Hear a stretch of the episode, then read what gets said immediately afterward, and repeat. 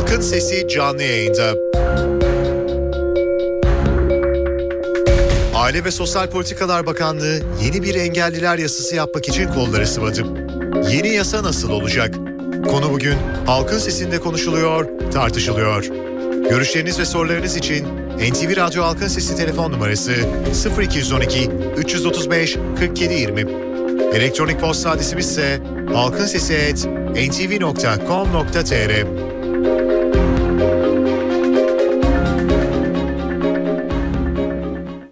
Halkın Sesi.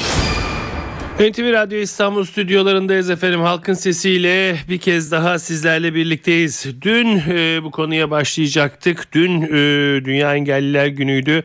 Ama biliyorsunuz e, Başbakanın ve Sayın Başbakanın ve Sayın Putin'in e, basın toplantısı olduğu için e, giremedik. Tam başlıyorduk ki o basın toplantısı başladı ve biz de e, konuyu bugüne ertelemek zorunda kaldık. E, yeni engelliler yasası ne konuşacağız? Yasada neler var? Gerçekten e, istenen e, istendiği gibi bir engelliler yasası oldu mu? Bunu konuşacağız ve ilk olarak da Türkiye Beyaz Ay Derneği Genel Başkanı eski milletvekili Sayın Lokman Ayva ile birlikte olacağız. Sayın Ayva iyi günler efendim. Alo günler efendim. Ee, çok teşekkür ediyorum efendim öncelikle bize vakit ayırdığınız için. Sağ olun. Zor durumda olduğunuzu, e, sıkışık bir zamanda olduğunuzu, havaalanında olduğunuzu da biliyoruz. Ayrıca teşekkür ederim bağlandığınız için. Sağ olun. Estağfurullah. Sayın Ayva ne dersiniz? Hep e, bununla ilgili meseleler gündeme gelince e, eksiklerden bahsedilir, e, göz ardı edilenlerden bahsedilir. Yeni yasada da yine böyle şeyler var mı? Ee, ben öncelikle şunu söyleyeyim. Ee, ben 1977 yılında kör oldum. 11 yaşındaydım. Ee, ilk yılları hatırlamak bile istemiyorum. Fakat her geçen yıl daha iyi gittiğimizi e, gözlemledim. Ve her geçen yıl kendimi daha onurlu bir hayatta, daha e, saygıya değer, daha değerli hissettim, daha e, var hissettim. O anlamda e, kendimi çok şanslı görüyorum ve bütün e, özürler gibi yani şu anda kendimde kesildi kendi adıma benim şimdi özür arkadaşlarım da dikkat ediyorum bu şeyle. E, dolayısıyla e, şu anda problemler e, kabuk değiştirmeye başladı. Mesela ne gibi kabuk değiştiriyor? Eskiden otomobilimiz azdı şimdi şu Eskiden iş sorunları şeydi. Mesela şu anda on binlerce memur alındı. E şimdi memurların problemleri var. Atlama sorunları var, tayin sorunları var, tedbir sorunları var. Anlatayım mı? Eskiden ben bu sorunlar eksik bir memur değildi. Yani ben de Afrika'da ekonomik problem olmuyor. Enflasyon e, olmuyor çünkü anlamda ekonomi. Yani onun gibi şimdiki kanunda da bunu gözler düzenlemeler olacak. Ee, Sayın Ayva cep telefonuyla konuştuğunuz için zaman zaman sesiniz gidip geliyor. Ee, bulunduğunuz yerden e, biraz zor e, çekiyor, biraz zor duyuyor gibiyiz sizi.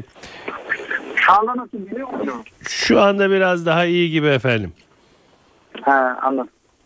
İstersen bu şu anki iyiyse biz sağlıktan buradan şey yapabilirim, devam edebilirim. Ee, biraz daha iyi devam edebiliriz efendim lütfen. Tamam. Şimdi e, bu yeni yasada e, ben arkadaşlarla görüştüm. E, arkadaşlarla e, neler olması konusu gerektiği konusunda fikirlerimizi de söyledik. Hı hı. Mesela e, artık e, yeni yasada e, bir takım teknik sorunlar var. İşte önceden maaşları 3 ayda bir alıyorlar. Şimdi ayda almak istiyorlar. Çünkü Türkiye'de taksit sistemi aylık falan. Yani bu maaşla e, buzdolabı almak istiyor. Ocak almak istiyor. Kendine işte telefon parasını ödemek istiyor. Çünkü bu maaşla bunlar yapılabilir durumda. Yine e, bakımla ilgili mesela şu vardı. E, bir ücret limiti var. Belli bir limiti ama 3 kişi de olsa, 2 kişi de 3 kişi de olsa aynı. Bunlar e, değişecek görünüyor. E, yine e, mesela işte gelirlerle ilgili bir tartışma var. Yani e, bütün ekonomik destekler büyük kadarıyla çözüp kargaşayı vesaire ortadan kaldıralım diye bir tartışma konusu var. Tabii esas şu anda bolca engelli ve özürlü kelimesi arasındaki değişimler. Engelli, şey, özürlü ve sakat kelimelerini metinlerden çıkaralım engelli olsun deniyor. Ee, bu tarz değişiklikler var. Korumalı iş yeriyle ilgili e, değişiklikler var. Hı hı. Girişimcilik yapacak özürlere destekler var.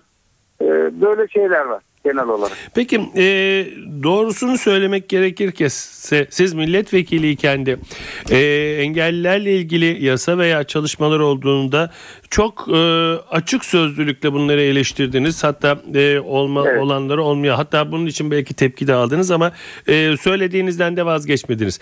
Şimdi de evet. aynı e, açıklıkla sormak istiyorum size. Olmasını beklediğiniz, olsa iyi olacak ama metinde olmayan ama e, olmazsa olmaz dediğiniz maddeler veya konular var mıdır burada da efendim? Ee, şimdi ben şahsen birincisi özürlülük ve engellilik fakat kelimelerle uğraşılması taraftarı değilim. Hı hı. Bunda arz edeceğim yani kendimde bir çalışma yapıp e, bu kelimelerle bu işe uğraşmaya kalkarsak bunun sonu gelmez.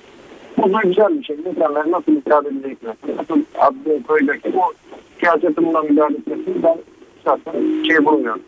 Gerekli bulmuyorum. E, benim bir anlarım vardı. Bunu da olmayacağını hissediyorum. O da şu özel hakları kurulu diye bir kurum öneriyordum ben eskiden beri. E, bu özel hakları kurulu e, şu e, mesela diyelim ki refakatçi kartı diye bir şey var belediyelerin. Hı hı. Yani özürlünün yanındaki kişiye kart verelim mi otobüse o da ücretsiz binsin mi diye. Hı hı. Mesela benim gibi birisine vermemek lazım. Ama hı. bütün köylere vermeyelim dersek burada bazılarına zulüm etmiş oluruz. Kanunların böyle bir genel geçer özelliği var. Ondan dolayı insanlara eziyet etmiş oluruz. Halbuki yaşlı olabilir, sonradan kör olmuş olabilir, şeker hastalığından şundan bundan ilave bir hastalığı olabilir. Yani biz deriz ki şöyle buna özür hakları kurulu karar verir, tavsiye eder. Şu şu tarz insanlar daha bir detayı. Çünkü kanun yapmak çok zor bir şey ama bu tür e, uzman bir kurul tarafından karar alınması daha pratik bir şey. Mesela diyelim ki e, ben şikayet ettim. Dedim ki e, şurası engellerin ulaşımına şeyine uygun değil. Hı hı. Kurul karar verir der ki buranın zaten böyle olması gerekiyor ve hakikaten de bir an evvel bu değişikliğin yapılması gerekiyor. Yani stand, bu işin e, uzmanı olmadığı için tam olarak uzmanlaşma anlamında bir gel, memlekette gelişme olamadı. Özürlülük uzmanlığı kavramlarında henüz biz arzulanan noktada değiliz. O anlamda böyle bir uzman kurulun e, araya girip e, çözücü rol oynaması, hızlı karar alabilmesi gerekiyor. Burada ciddi sıkıntılar var. E, bunun olması lazım. E, mesela ben şahsen şunu da öneriyorum. Arkadaşlara söyledim. Ondan emin değilim. Kona bilir. Mesela e, diyelim ki ben özürlü maaş alıyorum. Hı hı. İşe girdim. Özürlü maaşım e, kesilmesi lazım ama kesilmedi. Hı hı. Şimdi devlet diyor ki kardeşim kestireceksin. Kestirmediğin senden 150 fazla alıyor istiyorum cezalı olarak. Sen hmm. suç işledin diyor. Hmm. Halbuki bana ödülü maaşı veren de beni sigortalı yapan da aynı kurum SGK. Hmm. Yani bir eliyle veriyor öbür eliyle verdiğini niye bilmiyor? Niye bana bırakıyor bu işi? Ha. Bunun mesela bu, bu tür sorunların aynı şey bakım parasında var. Bunların özürlü vatandaşa bırakılmadan sistemin kendinin yani emniyet sibobuyla emniyet e, tedbirlerini alması lazım. Bunun faturasını bana yıkmaması lazım. Doğru. Çünkü benim dilekçe yazacağım, gidecek, ne kadar dikkat alınacak, kim okuyacak, okumadı mı? Bunların faturası hep bana çıkıyor vatandaş olarak. Hı hı. Bunlar çıkmaması lazım. Bunların zannediyorum şey yapar. E, gerekli yerlerde değişiklikler olur diye düşünüyorum. Ama ben tabii şunu da gerçekçi olup söylemek lazım. Her çıkan düzenleme eskiye göre daha iyi şeyler getiriyor. Hı hı. Ee, bir de e, bu konu tabii biraz da yasanın dışında ama e, ilgisi de yok değil. E, engelli vatandaşların evlerinde kalmaması, yaşama katılabilmesi için gerçekten engellerin yaşayabileceği bir kent kültürü, engellerin yaşayabileceği bir kent düzenlenmesi. Bu konuda nerelerdeyiz efendim sizce? Yani ayrı bir şehir kastetmiyorsunuz herhalde. Hayır hayır yani e, normal e, herkesin yaşayabildiği bir yerde engellerin de yaşayabileceği olanakların sunulması kaldırımından tutun da yani, otobüsüne kadar her şeyine. Yani işin doğrusu bununla ilgili 2005'te bir kanun çıkarmıştık. Sürede 7, 7 Temmuz'da bitmişti. Hı hı. Fakat uzatmaya gitti parlamentomuz. Ben şahsen buna katılmıyorum. Bu yanlış bir karar olarak düşünüyorum bana göre yani benim kendi yorumum parlamentonun aldığı en yanlış karardır bu özürlerle ilgili anlamında söylüyorum. Bu anlamda keşke böyle bir yanlış yapılmasaydı diye düşünüyorum. Çünkü bu işte esas çözümü baltalamış olduk. Yani çözüm e, Sedat Bey bu tür şeyler sosyal olaylarda tutturmak çok zor. Bir tane tutturmuşuz. Bunu da deldik miydi bir daha tekrar dikiş tutmaz bu işler. Çok zordur yani sosyal olaylarda karar alıp devamlılığını getirmek. Bir rutinliğe dönüştürmek gerekiyordu. O olamadı maalesef. Yani ondan çok ümitli olmadan itiraf edeyim. Anlıyorum efendim. Peki e, son olarak e, sizle ayrılmadan önce söylemek istedikleriniz var mı? Benim e, soramadıklarım var mı? E, onları da alalım Allah- efendim. Yani ben şöyle bütün arkadaşlarımın e, özellikle bu konuda birilerinin derneklerde çalışmalarını öneriyorum. E, kanun teklif taslak açıklanmadan herkesin önerisini göndermesini öneriyorum. Özürlü Yaşlı Hizmetleri Genel Müdürlüğü'ne. Hı hı. Siyaset e, vatandaş taleplerine hassastır. E, yani göndermezsek şikayetçi olmamızın da mantığı anlamı olmaz. Yani söylenen insanlar değil de söyleyen insanlar olalım diye düşünüyorum. Kendi kendimize söylenmenin anlamı yok. E, ben şahsen e, siyasetin hassas vatandaşa karşı hassasiyetini değerlendirmek lazım diye bütün arkadaşlarıma e, önce böyle kendi aramızda bile uzman toplantıları yapalım. Fikirlerimizi söyleyelim, oluşturalım. Yani bu çıkacak kanun bizim kanunumuz olsun. Yani bize dayatılan bir kanun haline gelmesin. O e, ben Sayın Bey'in de o noktada faydalı bir iş çıkarılması gerektiği noktasında ben önceki kanundan biliyorum. Önceki kanun hazırlandığında maalesef kötü bir kanundu. Sonra Tayyip Bey talimat verdi. E, Beşir Atalay Bey, Cevdet Erdal Bey ayrıldık bir kenarda. Biz bu kanunla ilgili son düzenlemeyi yaptık. Hmm. O anlamda e, faydalı bir kanun haline geldi. İşte aynı şekilde e, bunu ben Sayın Başbakan'a da arz ederim eğer arkadaşlar bana da ulaştırırlarsa mailleri. Ben halen partide MKYK üyesiyim. Hı. Orada da arz edeceğim fikirleri. Yani o noktada bir samimiyet var ama zaman zaman yanlış yapılabiliyor. Anladım efendim. Sayın Ayva çok teşekkür ediyorum bize vakit ayırdığınız için efendim. Sağ olun. iyi yolculuklar diliyorum. Sağ olun. efendim. Sağ olun. Çok teşekkürler. Evet Türkiye Beyaz Ay Derneği Genel Başkanı ve eski milletvekili Sayın Lokman Ayva ile birlikteydik. Dinleyici görüşlerine geçiyoruz efendim. Engeller yasası özellikle engelli vatandaşlarımızdan telefonlar bekliyoruz. Ne diyorlar? Ee, istedikleri nelerdir? Olmasını istedikleri şeyler nelerdir? Ee, telefonları onlara bırakalım. Görüşleriniz ve sorularınız için NTV Radyo Halkın Sesi telefon numarası 0212 335 4720. Elektronik posta adresimiz ise halkinsesi@ntv.com.tr. Halkın Sesi. NTV Radyo İstanbul stüdyolarındayız efendim. Halkın sesine devam ediyoruz. Ee, engeller yasasını konuşuyoruz. Yasada olacaklar, olması gerekenler, olmasını istediklerimiz nelerdir bunları konuşuyoruz ve dinleyici görüşleriyle devam ediyoruz. Alo. Alo iyi günler. İyi günler efendim buyurun. Bursa'dan arıyorum ismim Serkan. Buyurun Serkan Bey. Ee, 1981'den beri e, doğum, doğumdan 6 ay sonrasına kadar engelliyim. Hı hı. Ee, ortopedik engelli bir vatandaşım. Ee, şunu söylemek istiyorum. Öncelikle çok vahim bir şey söyleyeceğim. Ee, 3 Aralık Dünya Özürlüler Günü kutlanma. Öncelikle bütün e, sağlam insanların bunu bir benimsemesi gerekiyor. Neyi kutluyoruz? Yani topallılığımızı mı kutluyoruz, kör olmayı mı kutluyoruz, sağırlığımızı mı kutluyoruz, neyi kutluyoruz? Öncelikle buna bir dikkat edilmesi gerekiyor. Ancak buna hiç kimse dikkat etmiyor. Bürokratlar dahil hiç kimse buna dikkat etmiyor. Hı hı. İkincisi az önce Lokman Ayva e, milletvekilimizle konuşurken dediniz ki e, özürlerle ilgili yaşanabilir kentten bahsettiniz. Hı hı. Bunun Türkiye'de yapılabilmesi bir kere mümkün değil. Hı. Bunu bürokratlar da çok iyi biliyorlar. E, Sayın Lokman Ayva da çok iyi biliyor. Bütün e, siyasiler de biliyor. Büyüklerimiz herkes bunu biliyor. Bunu yapamazlar. Yapabilmeleri için önce zihniyetlerini değiştirmeleri gerekiyor. Bu, gerçek, bu gerçekten Serkan Bey o kadar zor bir şey mi? Türkiye'de çok zor. Türkiye'de çok zor. Neden? Çünkü Türkiye e, örnek veriyorum engelli, işte özürlü, sakat gibi kelimelere takıldığı sürece bu sizin saymış olduğunuz, madde madde saymış olduğunuz ve gönlünüzden olmasını istediğiniz şeylerin hiçbirisini gerçekleştiremezsiniz. Hı. Yani kelimelere takılıyoruz. Yeni bir yasa çıkarılacak deniyor. E, zaten mevcut olan yasaların hiçbirisi uygulanmadı ki bugüne kadar. Yasaların son cümlesinde şöyle bir yazı yazıyor. E, yasalaştırılmış olan maddeler 7 yıl içerisinde uygulamaya konur diye bir ibare var. E zaten e, iktidara gelen bir hükümetin ya da bir belediyenin ömrü 5 sene. E, geri kalan 2 senede ne oluyor? Öbür belediye o 7 seneyi bir 7 sene daha arttırıyor. Ne oluyor? Siz burada 7 sene değil 20, 77 sene oyalanıyorsunuz. Anladım efendim. Peki Yani bu tarz bu tarz olaylara Türkiye'de hiçbir zaman sağlıklı bir çözüm bulunamaz, bulunamayacak da. Sayın Lokman Ayva çok böyle iyi niyetli konuşuyor ama kendisi de bizden e, birisi olduğu için biz kendisine hani bir milletvekili gözüyle değil de bir kaderdaş olarak bakmak istiyoruz her zaman. Ancak milletvekili seçildiği süreden beri e, engellerden oldukça uzaklaşmıştır. E, biraz da serzenişimiz vardır kendisine ama e, yine de kendisi büyük bir olduğu için saygımız vardır ona. Ama dediğim gibi zihniyetler değişmediği sürece Türkiye'de başka hiçbir çözüm bulunamaz. peki efendim. Çok teşekkür ederim bizimle olduğunuz için. Alo. Alo iyi akşamlar Sedat Bey. İyi akşamlar efendim.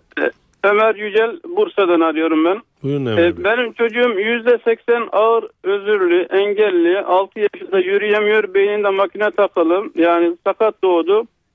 Bu şekilde biz hastaneye çok gelip gidiyoruz. 6 ameliyat oldu bir 6, 8 veya 10 ameliyatı da var şu anda. Devam edecek bir şekilde ameliyatları. Ve hastanedeyiz. Hastaneye her gittiğimizde fakülte hastanesinde 12 milyon muayene parası çıkıyor. Ayda 70, 80, 100 milyon muayene parası veriyoruz zaten. Bir de bu ağır özürlü hastalardan artık fakülte hastanelerinde yatak parası da almaya başladılar. Çocuk 3 gün yatıyor 50 liradan 150 lira yatak parası alıyorlar. Refakatçi olan annesine de yemek dahi vermiyorlar. Yani yemeğin de parasıyla alıyor o şekilde. E, Artı bu, bunların anneleri 5 yıl erken emekli olacak diye bir yasa var. Aslında bunun belki düzeltilmesi ve ek olarak babasının da erken emekli olması gibi bir durum var mı onu soracaktım. Teşekkür ederim. Peki efendim teşekkür ediyorum Sayın Yüce. Evet dinleyici görüşlerini bir kez daha telefonlarımızı hatırlatalım. Telefonlarımızı size bırakacağız. Görüşleriniz ve sorularınız için NTV Radyo Halkın Sesi telefon numarası 0212 335 4720. Elektronik posta adresimiz ise halkinsesi@ntv.com.tr. Halkın Sesi. Evet NTV Radyo İstanbul stüdyolarındayız. Halkın sesine devam ediyoruz. Engelliler yasasını konuşuyoruz. Daha doğrusu engellilerin yaşamını konuşuyoruz. Biliyorsunuz dün Dünya Engelliler Günü'ydü.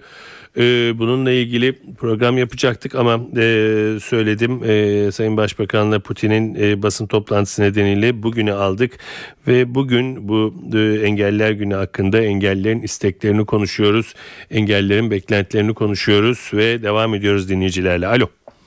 Öncelikle böyle bir program yaptığınız için size çok teşekkür ederim. İstanbul'dan Ahmet Ünsalan. Buyurun Ahmet. Şöyle bir şey söyleyeceğim ben. Benim herhangi bir engelim yok, özürüm yok ama ara sıra her insanda olduğu gibi ayağım kırıldı, kolum kırıldı. Bir empati kurmak zorunda kaldım. Gerçekten dehşet verici bir otobüse binmeye çalışmak, herhangi bir markete gitmeye çalışmak, bir kaldırımdan inmek. Bu arkadaşların hayat boyunca böyle bir şeyi çekmesi ki kaderdaş diyor arkadaş biraz önceki. Gerçekten çok acı verici. Hayatımda 15 gün 25 gün kadar çektiğim bu acılarla bir özürlüğü gördüğümde kendimce ne kadar yardım edebilirsem ediyorum ama devletin gerekli tedbirleri sadece kaldırımda bile alması, sadece asansörlerde bile doğru çalışması gerçekten vicdanen beni rahatlatacak. Çok teşekkür ederim dinlediğiniz için. Ben teşekkür ederim Ahmet Bey. İyi günler. Alo. Alo. Buyurun efendim. Ee, ben Berat Özekli 14 yaşındayım. Görme engelliyim. Buyurun efendim. Ee, şey bizim ben Kocaeli'de oturuyorum. Kocaeli'de Kocaeli'de bir engelli okulu yok. Görme engelli okulu yok. Ve e, görme engelliler e, bir yasa varmış. E, görme e, engelli bakım maaşı alan anneler e, şey yapabilirlermiş. E, e, ev, al, e, ev alabilirlermiş. Bu doğru mudur? Ee, bilmiyorum e, güzelim. Peki ama e, sen ne yapıyorsun okulda? Nasıl e, okuyorsun? Ee, Ben, be, ben 5 yıl kendi imkanlarımla İstanbul'a gidip geldim okul için. hı hı. Ee, ve şu anda 6. sınıftan itibaren kendi mahallemizdeki kaynaştırma e, okulunda okuyorum. hı. Peki e, Normal okulda okuyorum. peki derslerde bir e, sıkıntın oluyor mu bununla ilgili? Derslerde bir sıkıntım ol, olmuyor. Olmuyor. Peki canımın içi. Ama yani benden sonrakiler için bir görme engelli okulu şart diyorum. Çok haklısın. Çok haklısın. Di- Dilerim ki bunu da bir duyan vardır. Çok teşekkür ediyorum duyarlılık gösterip aradığın için. Sağ ol. İyi günler Aslında dilerim. ben teşekkür ederim e, sorunlarımızı dile getirdiğiniz için. Estağfurullah canım. İyi günler. Alo. İyi akşamlar Sedat Bey. İyi akşamlar buyurun. Osman ismim. Hı hı. Ee, ben e, farklı bir bakış açısıyla birkaç şey söylemek istiyorum. Ee, ülkede karar verme noktasında olan insanların e, çok önemli kararları çok kısa zamanda büyük maliyetlerle alabildiği e, zamanları hep birlikte yaşıyoruz. Engelli arkadaşlarımızın sorunlarının çözülmesi için insanlara gerçek manada değer verilmesi ve bunun genç ve çocuk olduğunu da düşünürsek geleceğe yatırım yapmak adına da bu anlayışı oraya koyabilirsek Hı hı. e, alınması çok zor diye söylenen biraz önce çünkü konuşan arkadaşlar bu kararların alınmasının çok zor olduğunu Hı hı. söylediler. E, bunlar kolaylaşacaktır diye düşünüyorum ama bizim e, azınlıkta olan sorunları olan ya da işte engelleri olan insanları değer vere- verecek yapıda anlayışta bir topluma ihtiyacımız var. Evet. Peki. Böyle yaklaşılırsa çözümlerin çok kolay olacağını düşünüyorum. Çünkü biliyorsunuz kaldırımlar 10 kere sökülür, 20 kere yapılır. O maliyetleri hiç kimse sorgulamaz. Ama engellilerle ilgili örneğin işte otobüslerde veya yaşam alanlarında yapılması gereken düzenlemelerin maliyetleri çok büyük diye herkesin önüne konur. Herkesin e, tabii bunu e, kendini de gözden geçirerek değerlendirmesi gerektiğini düşünüyorum. Aslında çok da büyük falan değil galiba. Neyse. Peki teşekkür ederim. Alo. İyi akşamlar efendim. İyi akşamlar buyurun. Ee, ben Ömer İnal. Buyurun Ömer Bey. Üstadım e, özürlülere yönelik düzenlenen mevzuattaki özürlü ifadesinin kaldırılarak yerine engelli ifadesinin konmasıyla sorunların çözümlenmesi mümkün değil. Bu kamuoyunu yanıltmaya yönelik bir giriş- girişimdir.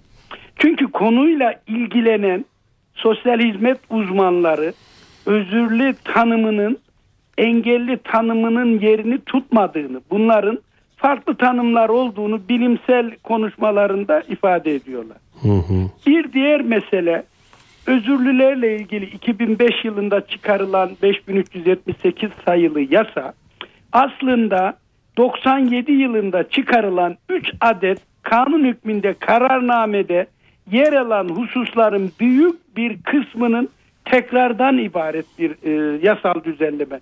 Çünkü 97 yılında da imar mevzuatında belediyelere verilen görevler vardı.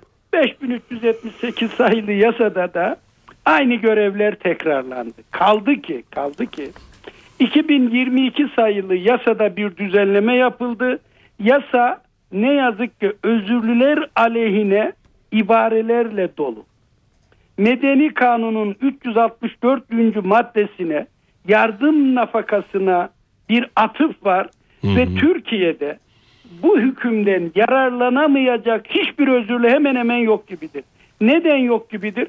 Çünkü her özürlünün çalışan bir kardeşi vardır. Çalışan bir çocuğu vardır. Bu nedenle yardım nafakası alma hakkı vardır.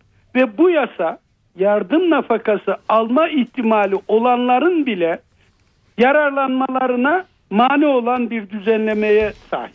Peki efendim teşekkür Bir diğer mesele e, Sayın e, Küçükay. Son bir cümle rica edebilir Son miyim? bir Bekleyen cümle, arkadaşlarımız var. 5500 sayılı yasanın 34. maddesi özürlülerin haklarını iade eden, onların bu haklarını veren bir düzenleme değildir.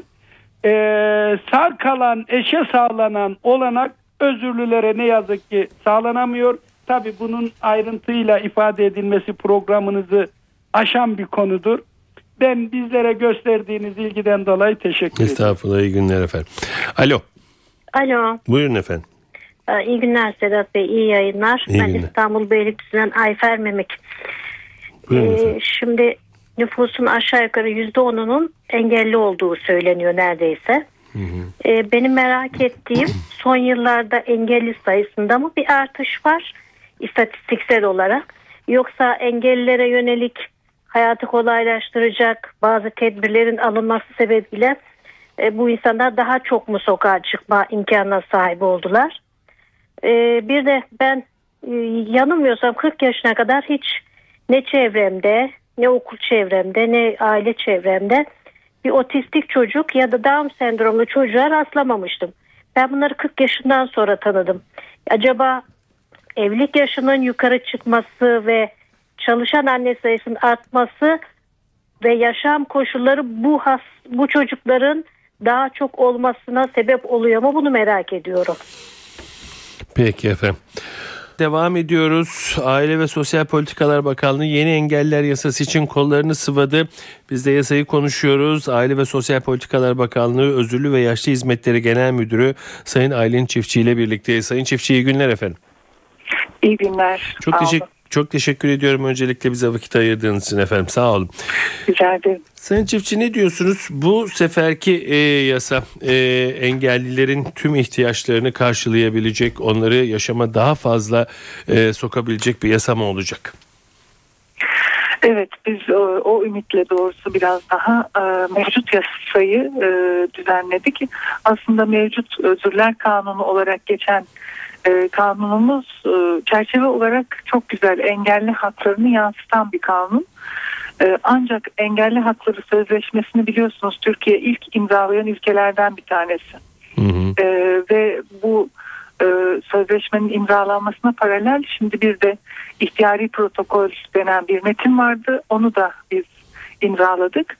E, meclisimizden onay aşamasında. Şimdi meclisimizden de çıkardığımız zaman artık engelli hakları konusunda e, çok lider bir ülke konumunda olacağız. Yani her anlamda bunu meclisinden de çıkarmış bir uygulamaya dönüştürmeye kararlı bir ülke olarak yer alacağız. Hı hı. E, tabii burada kanunumuzda da bu anlamda bir iki değişiklik yapmak gerekiyordu. Biz aslında çok değişiklik yapmak gerekmez diye başladık fakat bir baktık bu engelli hakları ruhunu, felsefesini e, aynen kanuna yerleştirmek için neredeyse baştan aşağı değiştirmiş olduk. Ee, yeni gelen e, eski kanunda e, baştan aşağı değiştirdik dediniz ama e, yeni gelen hiç değinilmeyen ama e, engelliler içinde son derece can alıcı olan şunlar var diyebilir miyiz efendim? Ee, şöyle şimdi bir kere biliyorsunuz özürlü kelimesini çıkardık. Hı-hı. Engelli kelimesi Hı-hı. geçti. Ee, bu aslında şu bakışı da bize getiriyor. Ee, özür e, dediğimiz şey aslında insanın bedeninde olan yani tıbbi olarak olayı tanımlayan bir şey. Hı hı. Ama engelli dediğimiz zaman biz aslında çevresel düzenlemelerden veya tutumlardan dolayı bir takım işleri yerine getiremiyor oluyoruz. Dolayısıyla engelli kelimesini zaten kanunda e, baştan aşağı kullanmakla e, temel olarak böyle bir değişikliği de kabul etmiş oluyoruz. Bu bunu yerleştirmiş oluyoruz. Yani kişilerin fonksiyon kayıpları değil esas olarak e, hizmete erişimdeki güçlükleri ön plana alınıyor. E, bu da tıbbi bakış açısından artık çıkıp e, sosyal bakış açısına geçmeyi gerektiriyor ki kanunun bütün maddelerinde bu sosyal bakış açısıyla ilgili düzenleme var. Mesela ne var daha önce olmayan? Hı hı. E, şimdi biz insan e, tabii ki bir bütün kültürüyle, e, hayata katılımıyla, işte iş hayatıyla, eğitimiyle herkes e, her anlamda bu e, hayattaki fonksiyonları yerine getiriyor doğuştan itibaren. Hı hı. E, bizim e, bu kanun değişikliğinde yaptığımız şey e, daha önce bireysel olarak e, kurumsal bakım hizmeti veriyorduk. Yani kuruma alıyorduk. Kurumda e, bütün yeme, içme, günlük yaşam şeylerini yerine getirme, aktivitelerini yerine getirme işini kurumda biz üstleniyorduk.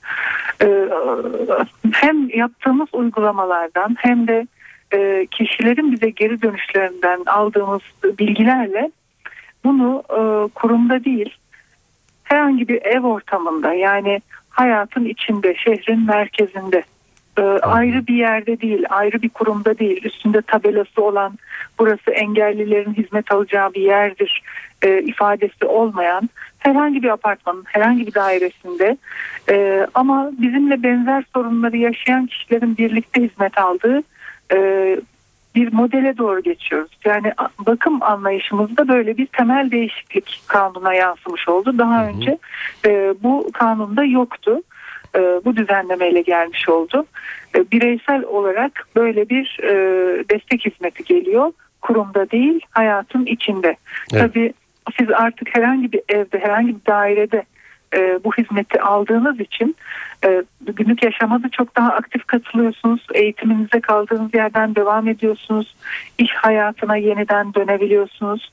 Bütün bu çalışmalar da gene e, buradan desteklenmiş olacak. Evden desteklenmiş olacak. Yani bu kanunda bir cümle olarak geçiyor belki ama bunun altında birçok böyle uygulamaya dönük e, aslında geri planı var bunun. E, onları da belki daha detaylı olarak yönetmeliklerinde açmış Evet. olacağız. Sayın Çiftçi çok teşekkür ediyorum bizimle birlikte olduğunuz için efendim. Sağ olun. Çok sağ olun. Başka boyutları da var ama e, herhalde kanunun tamamını anlatmak için çok uzun zaman gerekir. Evet. Ben de yer ayırdığınız için çok teşekkür ederim. Rica ederim efendim. Daha e, bunları dediğiniz gibi e, genelgeler çıktıkça, e, yönetmelikler çıktıkça da daha konuşacağız. Bize ayırdığınız vakit için tekrar Evet, teşekkür ben ederim. de bu efendim. vesileyle bütün engelli arkadaşlarımızın hem gününü kutluyorum hem de sizlere teşekkür ediyorum böyle bir konuya yer ayırdığınız için. Rica ederim efendim. İyi günler dilerim. Özür dilerim. Evet Aile ve Sosyal Politikalar Bakanlığı Özürlü ve Yaşlı Hizmetleri Genel Müdürü Sayın Aylin Çiftçi ile birlikte olduk ve bugün de Halkın Sesi'nin haftanın ilk Aylin Sesi pro- e, Halkın Sesi programının da sonuna gelmiş olduk. Evet bugün e, engeller yasasını konuştuk. Dün Dünya Engelliler Günü'ydü. Dediğim gibi e, dün program yapamadığımız için bugüne almış olduk bu konuyu. Türkiye Beyaz Ay Derneği Genel Başkanı eski milletvekili Sayın Lokman Ayva ve Aile ve Sosyal Politikalar Bakanlığı Özürlü ve Yaşlı Hizmetleri Genel Müdürü Sayın Aylin Çiftçi konuklarımızda. Her zaman olduğu gibi bugün de sizin de bu konuda neler düşündüğünüzü öğrenebilme şansına eriştik. Evet doğanın dengesi yerinde oldukça ırmaklar yolunda aktıkça yarın halkın sesinde yine sizinle birlikte olmayı diliyoruz yapımda ve yayında emeği geçen tüm NTV Radyo ekibi adına. Ben Sedat Küçükay. Saygılar sunarım efendim.